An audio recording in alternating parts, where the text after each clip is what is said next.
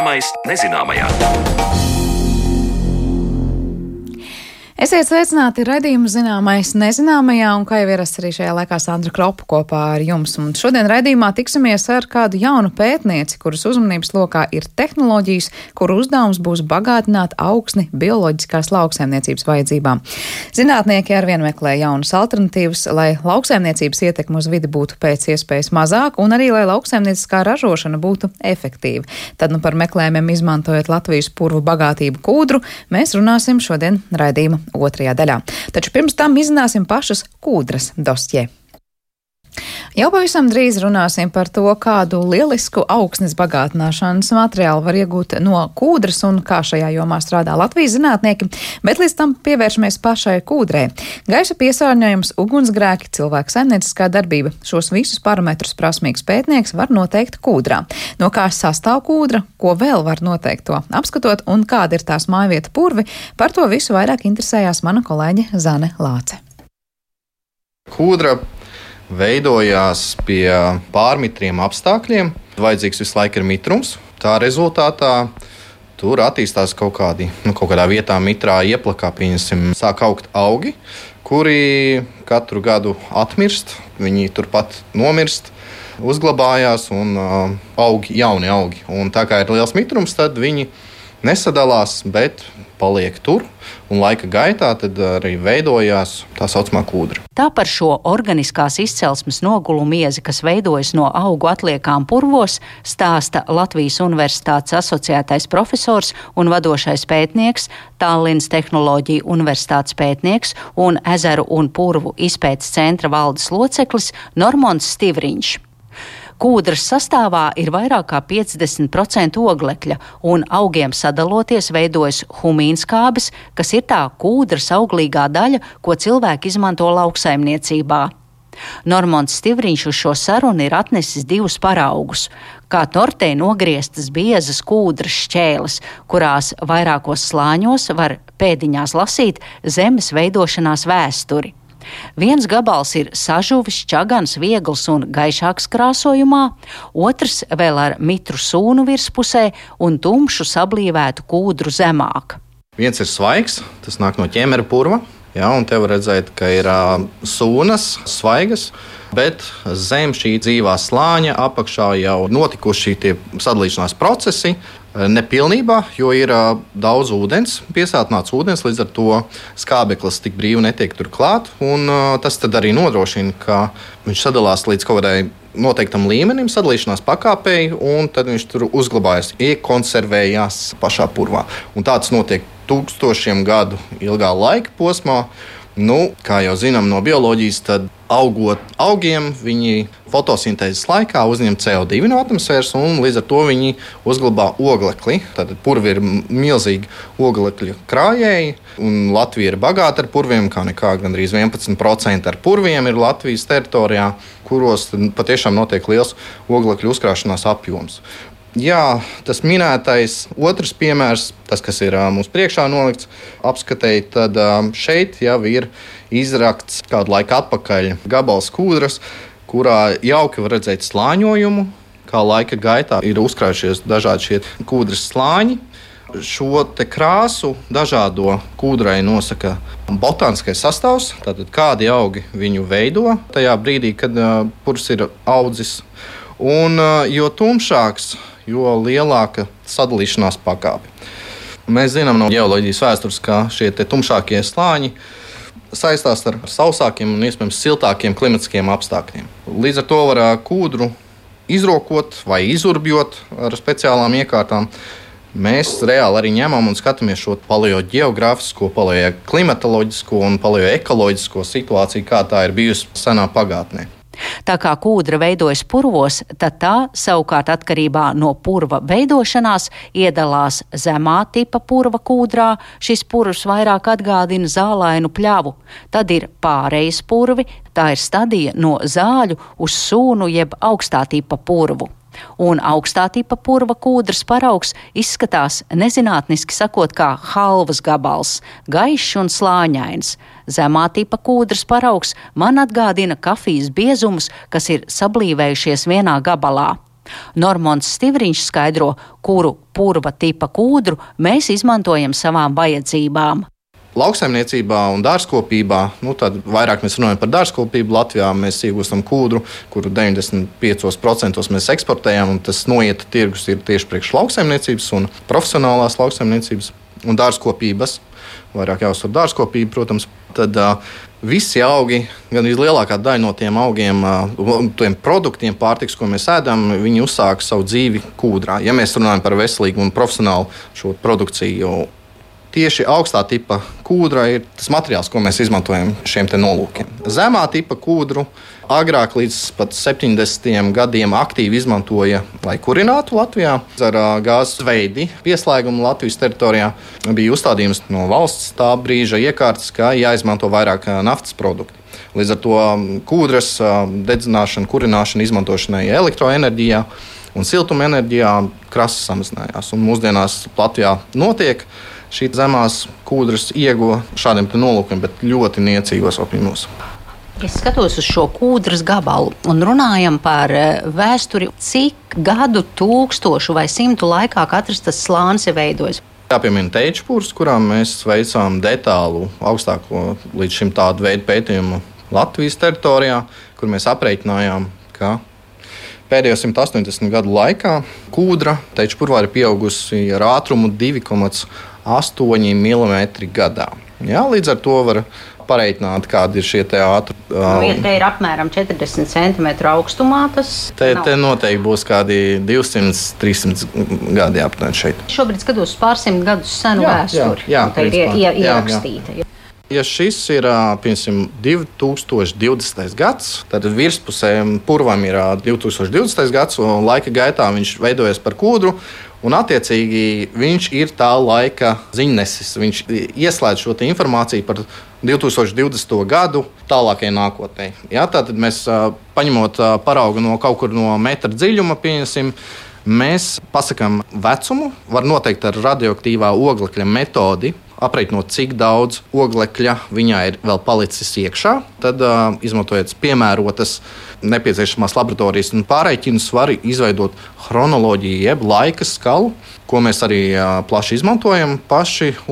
Mēs varam katru centimetru izanalizēt, paskatīties, kādi augi ir bijuši. Mēs zinām, ka katram centimetram ir savs gads. Ja, līdz ar to ir informācija gan par gaisa piesārņojumu, gan par pirmajām cilvēka darbībām apkārt purvam un ugunsgrēkiem. Arī tagad mums notiek pētījums par kūdas īpašību izmaiņām atkarībā no ugunsgrēka intensitātes. Tas ir mūsu tagadējais fokus, ko mēs skatāmies, cik bieži ir bijuši ugunsgrēki. Un uh, vai ir kaut kāda sakarības starp šiem klimatiskajiem parametriem un dažādām intensitātes pakāpēm? Tātad, kā ugunsgrēki ietekmē purvus, ja tā vienkāršot sakam, un kādas izmaiņas uh, un pazīmes mēs varam novērot pašā kūdrā. Kā var lasīt Latvijas kūdras asociācijas interneta mājaslapā, tad kopumā Latvijas kūdras atradnēs ir atrodami 1,5 miljārdi tonu kūdras. Turpinājumā Normons Stivriņš stāsta, kā atšķiras dažādu reģionu kūdra un kur pasaulē izmanto Latvijas kūdru.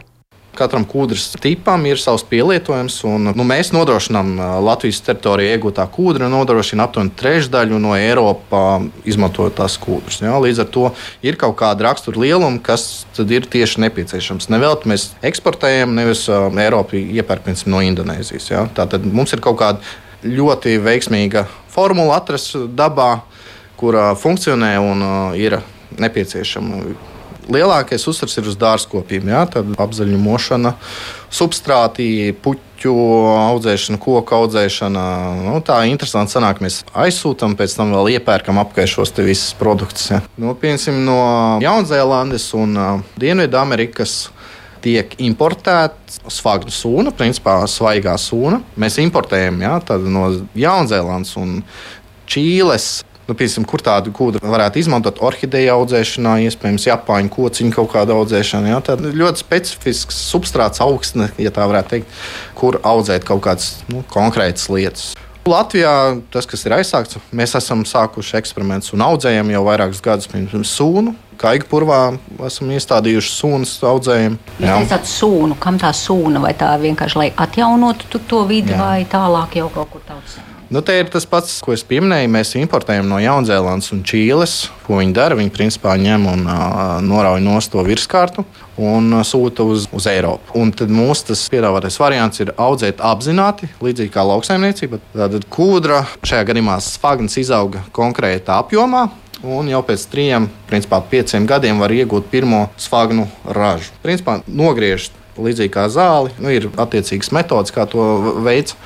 Un tad, tādā veidā mēs nodrošinām, ka piemēram, šie izstrādātie kūdras lauki ir atgriezti atpakaļ ekonomikā, rekultivēti un nodrošina arī mūsu ekonomikas izaugsmu tālāk. Plus vēl arī samazina uh, segu gāzes Vēl kūdru pētnieki izmanto kā klimata vēstures liecību. Piemēram, tajā var izlasīt informāciju par ūdens līmeni pirms vairākiem tūkstošiem gadu. Šķiet, ka mēs zinām vairāk tikai par to, ka mēs kūdru rokam un izrokam un iegūstam viņu, bet pastāv arī tālākās šīs te tendences, kā izmantot šīs platības. Kā mēs uzzinām, cik augsts bija ūdens līmenis, tas ir vienmēr diskutabls jautājums, cik liela ietekme piemēram ir meliorācijai un kā laika gaitā ir mainījies šis ūdens līmenis purvā. Purvā dzīvo amēbas, un šīs amēbas viņas nomirst, un tās kapsuliņas viņām paliek iekšā kūdrā. Virsējos slāņos tieši.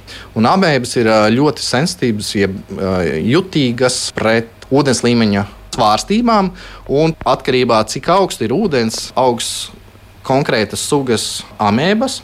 Jā, tātad, ja ir augstāks ūdens līmenis, tad augsts viena veida, vairāk dominēs viena veida amēbas. Ja būs zemāks ūdens līmenis, tad jau augsts cita veida amēbas. Un to mēs visu arī varam izanalizēt pa katru pa centimetru. Mēs varam pateikt, cik augstu atradās ūdens līmenis no purva virsmas.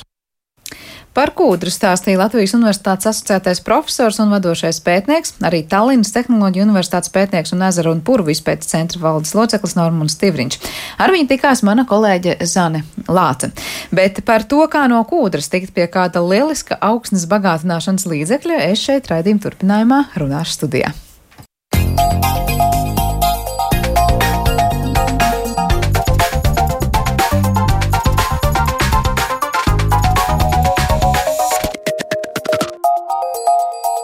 Zināmais nezināmajā. Kad nu esam izzinājuši, kā rodas kūdra, dosimies soli tālāk un pievērsīsimies pavisam konkrētiem pētījumiem par to, kā no kūdras ražot augstākas pievienotās vērtības produktus nekā to bieži redzam līdz šim. Rīgas Tehniskās Universitātes materiāla zinātnes un lietišķās ķīmijas fakultātes doktorantūras studenta Kristīna Irtiševa šobrīd strādā pie jaunas inovatīvas tehnoloģijas augsnes bagātināšanai, izmantojot tieši kūdru.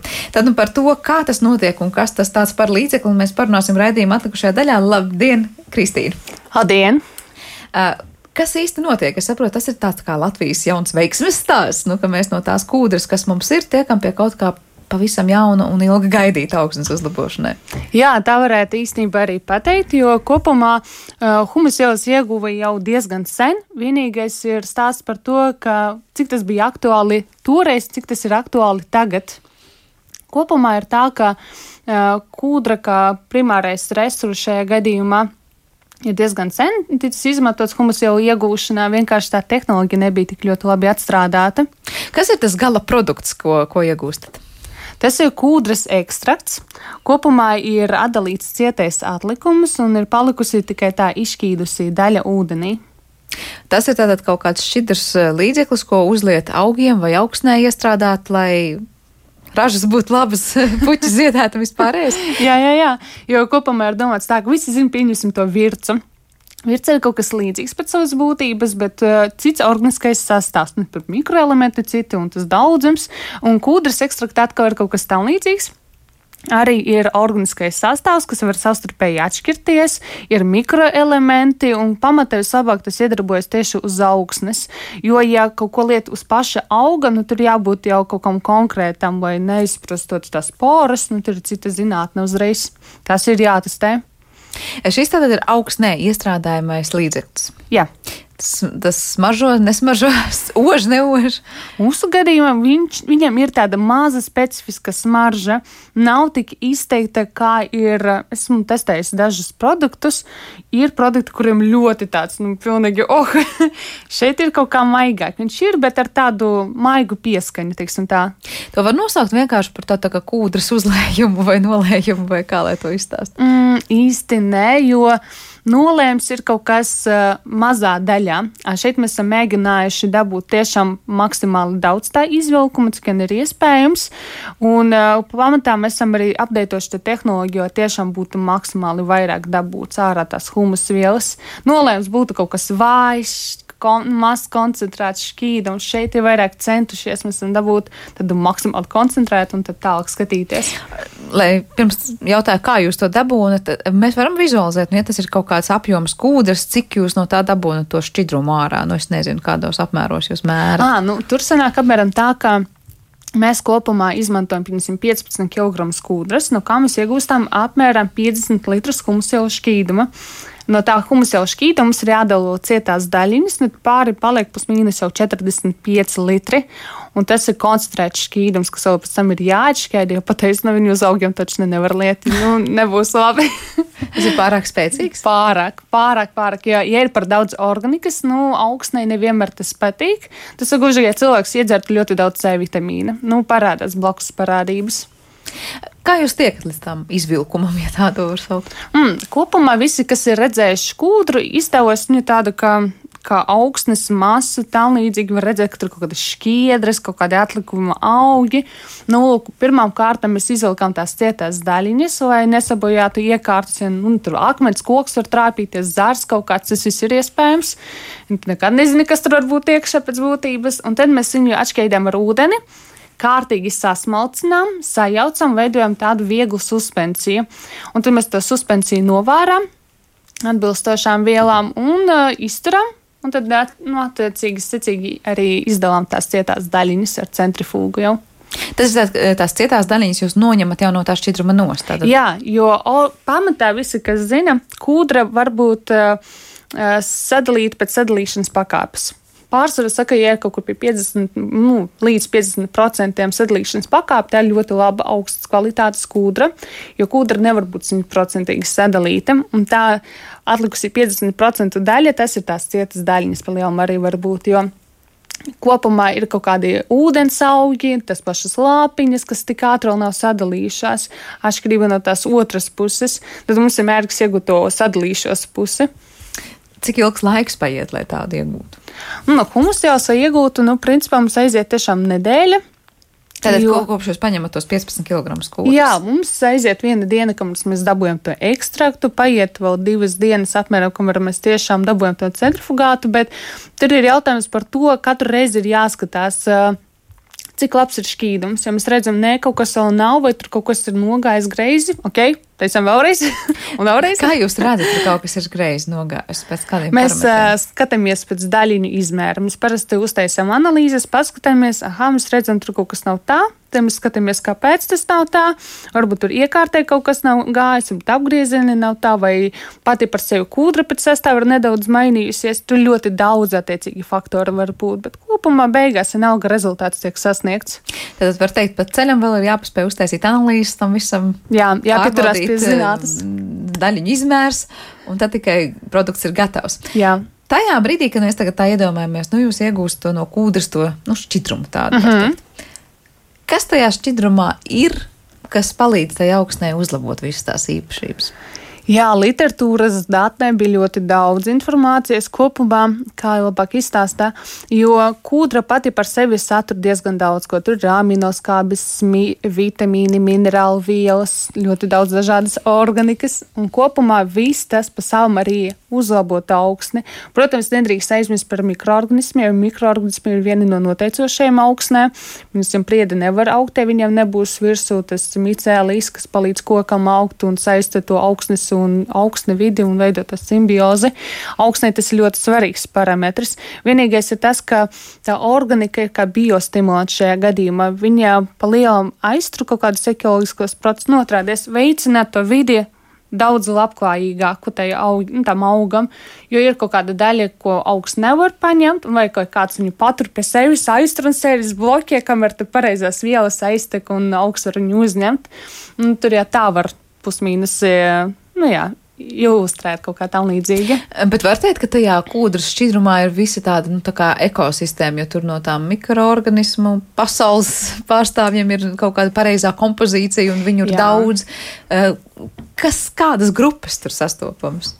O, par to gan es tā mazāk varēšu izstāstīt, bet doma ir tāda, ka viss ir atkarīgs no tehnoloģiskā procesa. Pieņemsim, ja novāra to šķīdumu, tur tie mikroorganismi iet bojā, tomēr viņi nevar te temperatūras ietekmē izdzīvot. Bet te pašā laikā jums ir zināms, ka mikrobi var uh, ilgi un dikti turēties kaut kādā, nu, es nezinu, ļoti karstā vidē, ļoti augstā vidē. Viņi vienalga izdzīvo, un tad mēs tā pie sevis domājam, oh, my God, nu kā, nu kā tas vispār var notikt? nu, Droši vien viena izdzīvo, viena neizdzīvo, varbūt izdzīvo tie, kurus atkal atkal nevajag, lai viņi izdzīvo tajā augstnes bagātnē. Nē, nu, ja tā būtu, mēs uzreiz būtu pamanījuši, ka slikts efekts, ka ir kaut kādi organismi, kas tomēr kaut ko nelabu tur dara. Jā, tā arī var notikt. Nu, īstenībā vislabākais piemērs ir gumiņu baktērijas, ka šīs labāk veicina to vidi augiem, piesaista to slāpekli no gaisa, un tad augam ir papildus vielas, ar ko strādāt, un labāk augt arī tajā pašā laikā, darboties tajā savā vidē.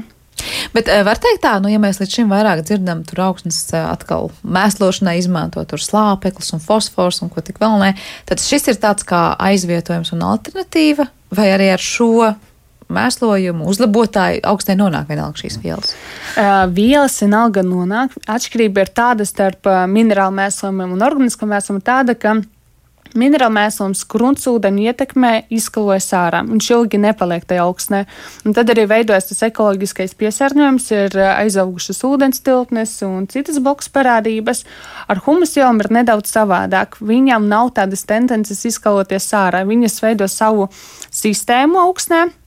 Un tādējādi, kad ir notiek kaut kāds, nezinu, un kad uh, par daudz ūdens ir uz augstnes vai kaut kas tamlīdzīgs, kad pārplūst lauki, e, viņš neizplūst ārā. Viņš tomēr paliek, jo viņiem, es pat nevaru īsti izskaidrot līdz galam, tā ir tāda vēl neizpētīta zinātne, pat teiktu tādā ziņā, uh, skatās, kā veidā, veidojas par tā sistēma, jo humusvielam nav konkretizēta tā molekulārā uh, struktūra, viņš ir līdzīgi kā lignīns. Nav definēts, bet eh, tai pašā laikā ir kaut kādas raksturīgās grupas, kas savstarpēji tur rēģē, veido saitītes, kaut ko piesaista, atņem, vada, novada un tam līdzīgi. Nu, lūk, un, eh, doma ir tāda, ka organiskās vielas ir uh, labāks, uh, komp labāks komponents nekā minerāla mēslojums. Jo nu, minerāla mēslojuma tomēr, ja viņš šķīst ūdenī, attiecīgi un iet projām, nu, neuzturās augstu, tev jāliek atkārtot, atkārtot un atkārtot. Pusēl augstai vienmēr būs jābūt klāt kaut kādai organikai. Bez organikas augsts īsti nevarēs izaugt. Nu, principā, ja mēs kaut ko stādīsim smiltīs, nevienmēr tas ir izaugt, ja vienīgi augsts pats par sevi, jo tur jau nedzīvo kā kaktus gandrīz vai. Bet, nu jā, mēs parasti arī runājam, tikko aizplūst tās min no minerālu mēsliem, piemēram, arī tās visas vielas kaut kur grāvjos, upēs un tā tālāk, tālāk notiek viss tā ūdens tilpja aizaugšana. Eritrifikācija. Jā. Ar šo produktu, piemēram, ja kaut kas tāds tiek iestrādāts augstnē vairāk, vairāk, vairāk, ir pamats arī bažām, ka tikko tas ir kaut kas pa daudz, tā tur arī eitrofikācija sāksies pie, pie lauka esošajos grāvjos un tālākajās upēs. Es jums pateikšu tā, jā, visi zina, ka augo ūdens ir brūns. Brūns un purvā viņš ir brūns, tāpēc, ka tur ir humusvielas. Un eh, tā ir daļa no dabas aprites cikla tomēr. Humusvielas ir dabisks, nu, dabiska procesē iegūts. Eh, mm, produkts, un, respektīvi, ja viņš turpat arī nonāk atpakaļ nu, pie citām jau izveidojušās humusām, nekas slikts nevar būt. Bet notikt. koncentrācija ir lielāka. Tas Nē, nemaina. Koncentrācija nebūs lielāka, jo pirmām kārtām mēs laboratorijā viņu tādu iegūstam rūpniecības. Uh, iekārtās, jā, bet cilvēkiem pārdodot nekādā gadījumā, jo nekad nevar paredzēt, kā viņš atšķaidīs, kā liks. Ja nedod Dievs tiešām pārcentīsies un uzlies vairāk, ja viņš tur neizies pa taisno uzreiz uz ūdens silti neizkalosies, bet augstnē atkal kaitēs arī pašā brīdī. Tāpēc ir doma tāda, ka nē, nē, nē labāk atšķēdīsim jau, un tad smuki liesim, lai viss ir kārtībā. Cik tālu šobrīd tas ir tāds laboratorijas eh, produkts, un kurā brīdī mēs varam teikt, tur jau mums ir, nezinu, eksperimenti uz lauka, vai rīt jau cilvēki to lieto? Jā, tur ir stāsts par to, ka mēs esam tiešām jau ieguvuši to produktu, bet vienīgais, kas ir palicis, tiešām tā eksperimentālā puse, nu, lūk, mēs sadarbojamies ar Bulduru dārzkopības vidusskolu. Mums ir mērķis ir veikt tos audzēšanas testus aeroponikā, hidroponikā, paskatīties, kā kas ko ietekmē, kādas koncentrācijas būtu labāk likt. Jo mēs meklējam vēl joprojām to robežu, lai nav par maz un nav par daudz. Jo tā, nu, tas jau jāatrod īstenībā, bet aptuvenos skaitļus mēs jau zinām. Skatīsimies, kā būs. Un eh, cik tālu tas ir no reāli lietojamā produkta šobrīd? Var lietot. Viņš, à, mēs jau ir. Es pieņemsim personīgi, jo mājas izmantoju. nē, nē, bet, nu, jebkuram interesantam viņš ir pieejams. Jā, tas ir tāds, jā. kas ir vēl jāmeklē ar lupu. tas ir pieejams. Mums šeit ir daži arī klausītāji jautājumi, nu, piemēram, kā šajā gadījumā ir arī ietekme uz klimatu jautā klausītājs. Zināms, ka kūdras kustināšana arī izdala CO2, vai tas labums ņemot vērā šos riskus atmaksājas? Jā, šo jautājumu es arī izskatīju, jo pamatē ir tiešām stāsts par to CO2 emisijām diezgan liels. Pirmām kārtām, nu, kas ir labāks, vai kūdra tomēr sadeg, un tur ir anormāls CO2 emisijas, vai nu tu paņem tos 15 kg un tomēr uztaisi savu to koncentrēto šķīdumu. Manuprāt, tas uzreiz savā starpā jau balansē. Jo, principā, mēs izmantojam minimālo tehnoloģisku. Mēs tiešām esam mēģinājuši izstrādāt tā, lai būtu visvienkāršākās tehnoloģijas, lai būtu nekomplificēts tas tehnoloģiskais risinājums. Pusē mums ir ideja to cieto atlikumu granulēt. Ir pat jau izveidotas granulas, ir sanācis, tad skatāmies, ko vēl klāt paņemt, lai maksimāli ir pēc cirkulāras ekonomikas pamatprincipiem, lai nav tā, ka mēs kaut ko iegūstam, mēs izmantojam daudz enerģijas, siltumu. Nē, tieši pretēji, mēs skatāmies, lai būtu minimāls tas enerģijas patēriņš. Otrādies cik vien var vienkāršāk, smukāk un kvalitīvāk. Bet tas veicinās to, ka arvien vairāk Latvijā gribēsies iegūt to kūdru no purviem. Nevis pateikt, mums ir kaut kāds procents un pie tā mēs pilnīgi noteikti apstājamies vai tomēr nu, mēs saskatīsim lieguvumus kaut kādus, varbūt arī ekonomiskos, un tad, teiksim, nu, tad nosasināsim purvus un iegūsim kūdru visur. Jā, šis ir labs jautājums. Kopumā es domāju, ka jā, gribēs, protams, iegūt vairāk un uh, taisīt tās humusielas, bet te pašā laikā uh, stāsti par to, cik maz tev vajag. Es pieņemsim apjautāju biologsaimniekus, viņi izmanto apmēram nu, no 40 līdz 80 tonām uz hektāru. Tas ir ļoti milzīgs skaits īstenībā. Man vajadzēs varbūt pieciem gadiem šo kvantumu uztaisīt humusielas. Un, ja mēs runājam par to ilgspējību, ja ir iespējams pārvilcināt to apjomu, mazāk iegūt un vairāk izstrādāt ar pievienoto, pie, eh, pievienoto vērtību produktu, nu tad jau labāk tā, vismaz viņa paspēs tur kaut kā atjaunoties. Var teikt, ka tas ir esošās kūdras, jau tās, ko iegūst, veids, kā to lietot ilgāk, kā tikko teicāt, un varbūt efektīvāk, proti, varbūt nevis tur te, tādā apjomā izbērt tagad kaut kur, bet no tā iegūt uz vairākiem gadiem to labumu? Jā, jā ilgspējīgāk to visu pataisīt. Mērķis ir tāds, ka vienkārši pirmajā gadā, protams, nu, uzreiz būs tas efekts tik spīdošs, iespējams, varbūt tikai trešajā gadā parādīsies ar vien labākie rezultāti. Nu, cik esmu skatījusies arī citas publikācijas, tā arī bija. Ja pirmais gads vienmēr ir tāds iesākums, kamēr tu ieies. Nekad pirmajā nedēļā, tu neredzi tos rezultātus, paiet laiciņš, kamēr tu redzi, ka tā sistēma ir izveidojusies, kamēr viss ir sakombinējies ies. Un katru reizi, ja tā paskatās, jā, tu iekonomē tos resursus tajā pašā laikā, savu laiku, tu atvieglo savu dzīvi, jo vajag nenormālu tehniku, lai vispār iestrādātu to kūdru pašu par sevi augstnē, bet mums ir mērķis atkal izmantot tās izsmidzināšanas iekārtas. Tad tehnoloģijas pienesums inovatīvs ir gan tajā, kā tikt līdz tam pašam šķidrumam, ja tā var teikt, arī tām granulām, un pēc tam vēl atsevišķi, kā to izsmidzināt un kā to izlikt uz tā lauka ir, ir kaut kas, ko atklāt no tām idejām, jo kā tas notiks? Nu, par granulām runājot, ir tā, ka ir dažādi veidi granulas. Pārsvarā viņas īstenībā diezgan ilgi sadalās. Ir pat granulas, kuras septiņus gadus sadalās, un ja iestrādāt viņas augstnē, un katru gadu tev kaut kur pamazām pa slāņiem, un tās granulas sadalās un uzlabo augstni, nu, tas jau ir plus. Īstenībā vislabāk tas būtu koksaimniecībā, mežsaimniecībā īstenībā, jo tur kā augies, nu, kā apstrāto zemi, iestādi koku, koks ilgi aug, un ja tu septiņus gadus stāvot tu, eh, tu zemi nekustini un tur izdalās tās humus vielas un citas organiskas vielas, tad vienkārši ir ideāli īstenībā. Humus jau, nu, piemēram, mežā laistīt būtu jau diezgan pagrūtāk, jo tur, nu, gan izvēle roka jāatjaujas to, ka iekārtam izvēle varēs tehnoloģisko kaut kādu traktoru izbraukt cauri. Tad tur granulē strādā būt kā, Jā, kā, kā risinājums. kā risinājums. Tur, kur ir jāizsmidzina, tur ir kaut kāds īpašais dozētājs vai kaut Jā, kāda ā, pieeja. viņas jau eksistē tās iekārtas par lielu minerālu mēslumu, tā arī jau izsmidzina uz laukiem arī herbicīdus un citas vielas. Tā kā tur jaunas tehnoloģijas nav jāizgudro, jā, lietot vecās. Un šeit Andris ir rakstījis, ASV sākuši ražot kūdru no atkritumiem, vai līdzīgi pētījumi arī Latvijā, jo kūdras pušas līdzvērtīgā platībā piesaist divreiz vairāk CO2 kā meža platība. Nu, tas atkal par stāstu, ka mēs varam aizvietot to, ko no tā purva paņemam nost. Ir kaut kādas alternatīvas, no kurienes tad tik pie tām pašām vielām, kas ir kūdrā šobrīd? Jā, ir. Uh, Humusielas pašas par sevi ir diezgan uh, daudzos resursos. Uh, ārzemēs arī no akmeņogliem iegūst humusvielas. Stāsti par to, ka tur ir cita organiskā struktūra uzreiz iekšā. Ir tā saucamā alifātiskā ķīmijas daļa un ir aromātiskās vielas. Nu, lūk, no akmeņu oglēm īstenībā iegūstot tās humusvielas vairāk ir tendence uz to aromātiku, uz aromātiskām vielām, kas īsti nav labi, jo, kā mums zināms, tas vairāk tādus kancerogēniem produktiem velk un tā līdzīgi.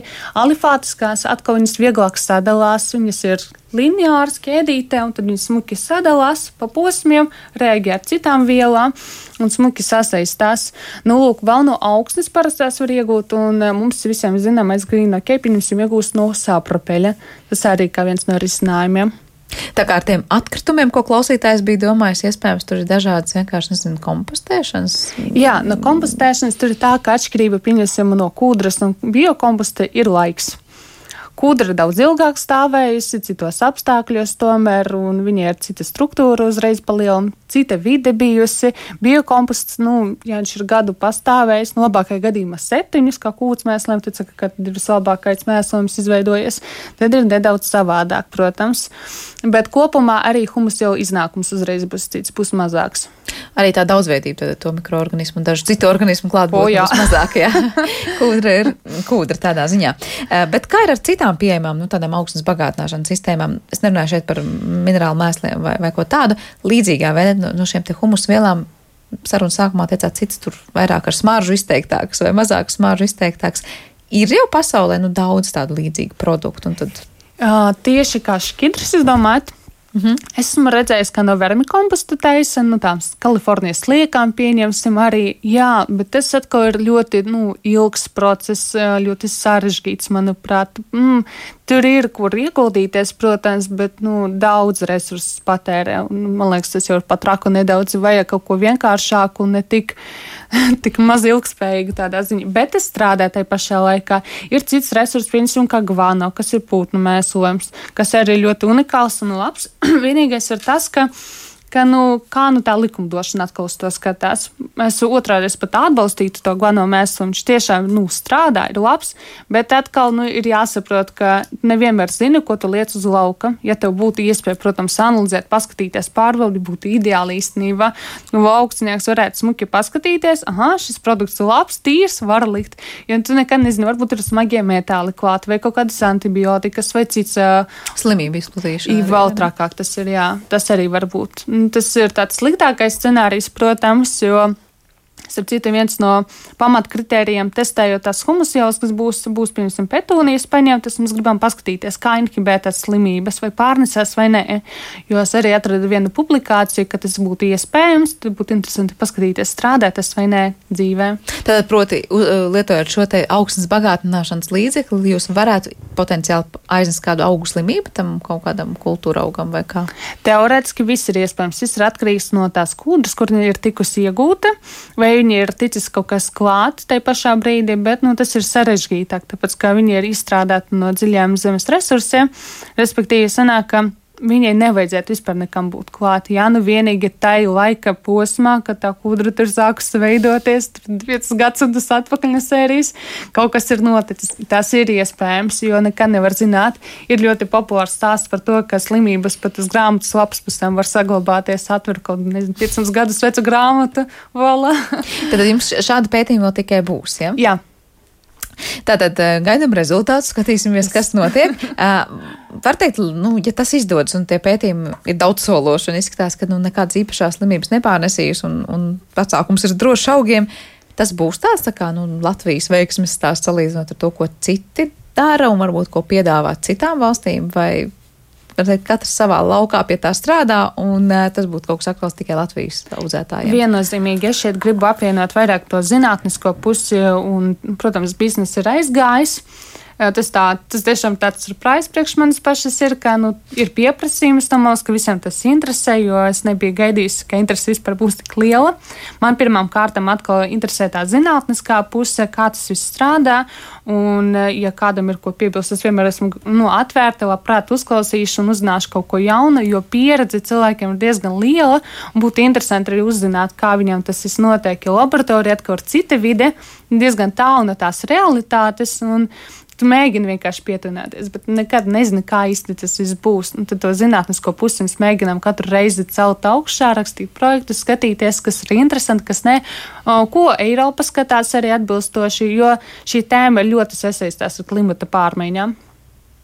Tas ir kā tāds veids, no, no vienas puses, kā mēs jau te runājām, it kā uzmanīgi, uzmanīgi ar to kūdu kustināšanu, kas, nu, ir noteikti klimatam nedraudzīgi. Jā. Tajā pašā laikā, ja mēs no tā jau esošā izņemtā kūdu slāņa paņemam kaut ko, kas darbojas nevis tur vienu gadu, bet 50 gadus. Es pārspīlētu, protams, to saku jau piemēru pēc.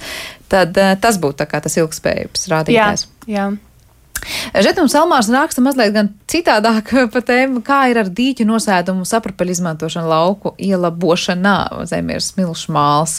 Tātad tas ir kaut kas, kas ir alternatīva šajā gadījumā? Jā, jā, jā viennozīmīgi jā, tāpēc, ka kūtra un saprapeļa savstarpēji ļoti līdzīgi. Es savu bakalaura darbu izstrādāju par saprapeļu un bioglas granulu iegūšanu. Tieši to tehnoloģisko risinājumu arī izstrādājam. Un viena lieta es tiešām sapratu, ka struktūras viņa tiešām ir ļoti līdzīga, bet fizikālas īpašības atkal atšķirās. Saprapelim ir tendence nosēsties, veidojas ūdens slānis, un tad veidojas apakšas saprapeļa slānis, bet kūdra viņa viengabalaina un ja mitruma satura viņi ir vienādi, bet vienu tu redzi kā šķidru, otru kā cietu. Un pēc tam es domāju, bet, bet kā? Tu taču ir 96% ūdens, 4% organiskās masas un liekas neiespējami. Bet, nu, dabā visādi brīnumi ir redzēti īstenībā.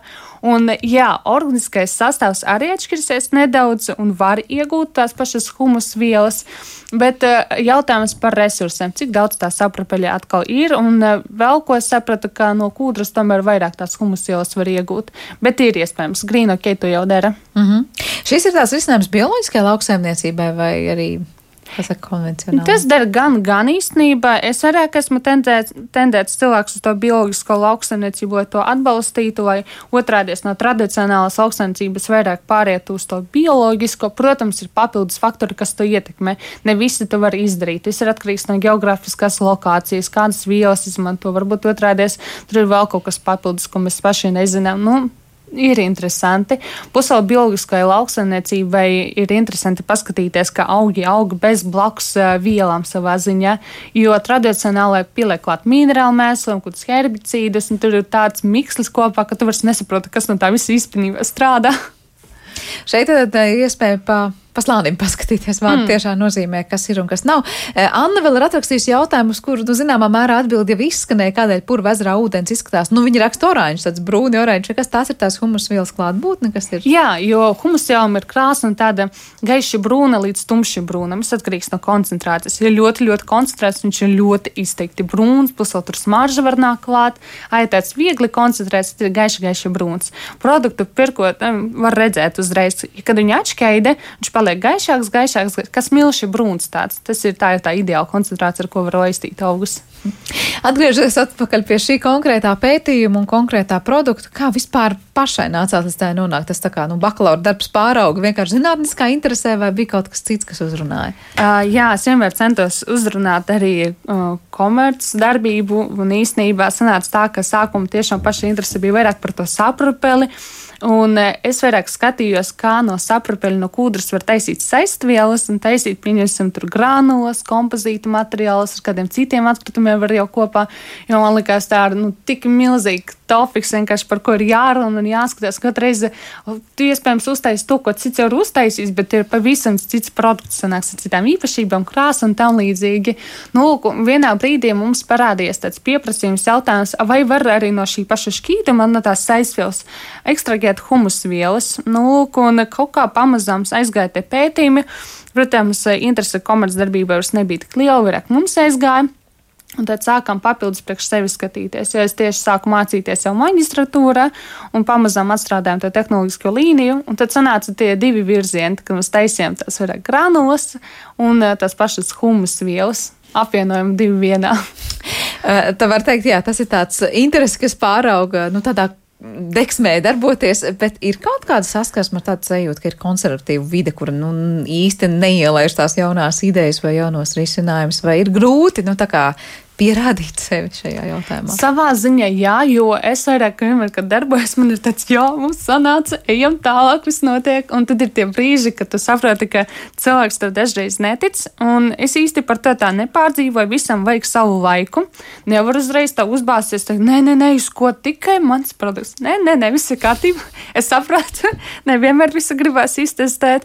Otrādi es pagaidīt, paskatīties, kā ir citiem, un tad, tad arī aiziet un pamēģina un paskatās, kas un kā kā man pašai personīgi tā arī ir, ka es nevienmēr uzticos, ka man vajag nedaudz laiku, es papētu, kas tas tāds ir, un tad mēģinam. Jā, nu ko, lai veicas tālāk ar esošajiem pētījumiem, novestos līdz kārtīgam rezultātam un arī visiem vēl iecerētājiem, un es saprotu, ka nu, šis ir tas gadījums, ka mēs nerunājam tikai par kaut kādu jaunu ceļu sākumu. Tas jau ir tāds pamatīgs ieskrējiens, kas šobrīd mm. notiek. Tā kā ir daudz ko vēl uzlabot un pētīt, un Jā. lai izdodas. Dzirdējām šajā raidījumā pusstundā Rīgas Tehniskās Universitātes materiāla zinātnes un lietišķās ķīmijas fakultātes doktorantūras studenti Kristīna Irtišev šodien mūsu raidījuma zināmais nezināmajā studijā. Ar to arī raidījums ir izskanējis un par to parūpējās producents Armīta Kolāte, mūzikas redaktors šai stundā bija Girds Bišs, skaņa režijā Rita Karnača un studijā Sandra Kropa. Mēs tiekamies atkal rīt. Visu labu!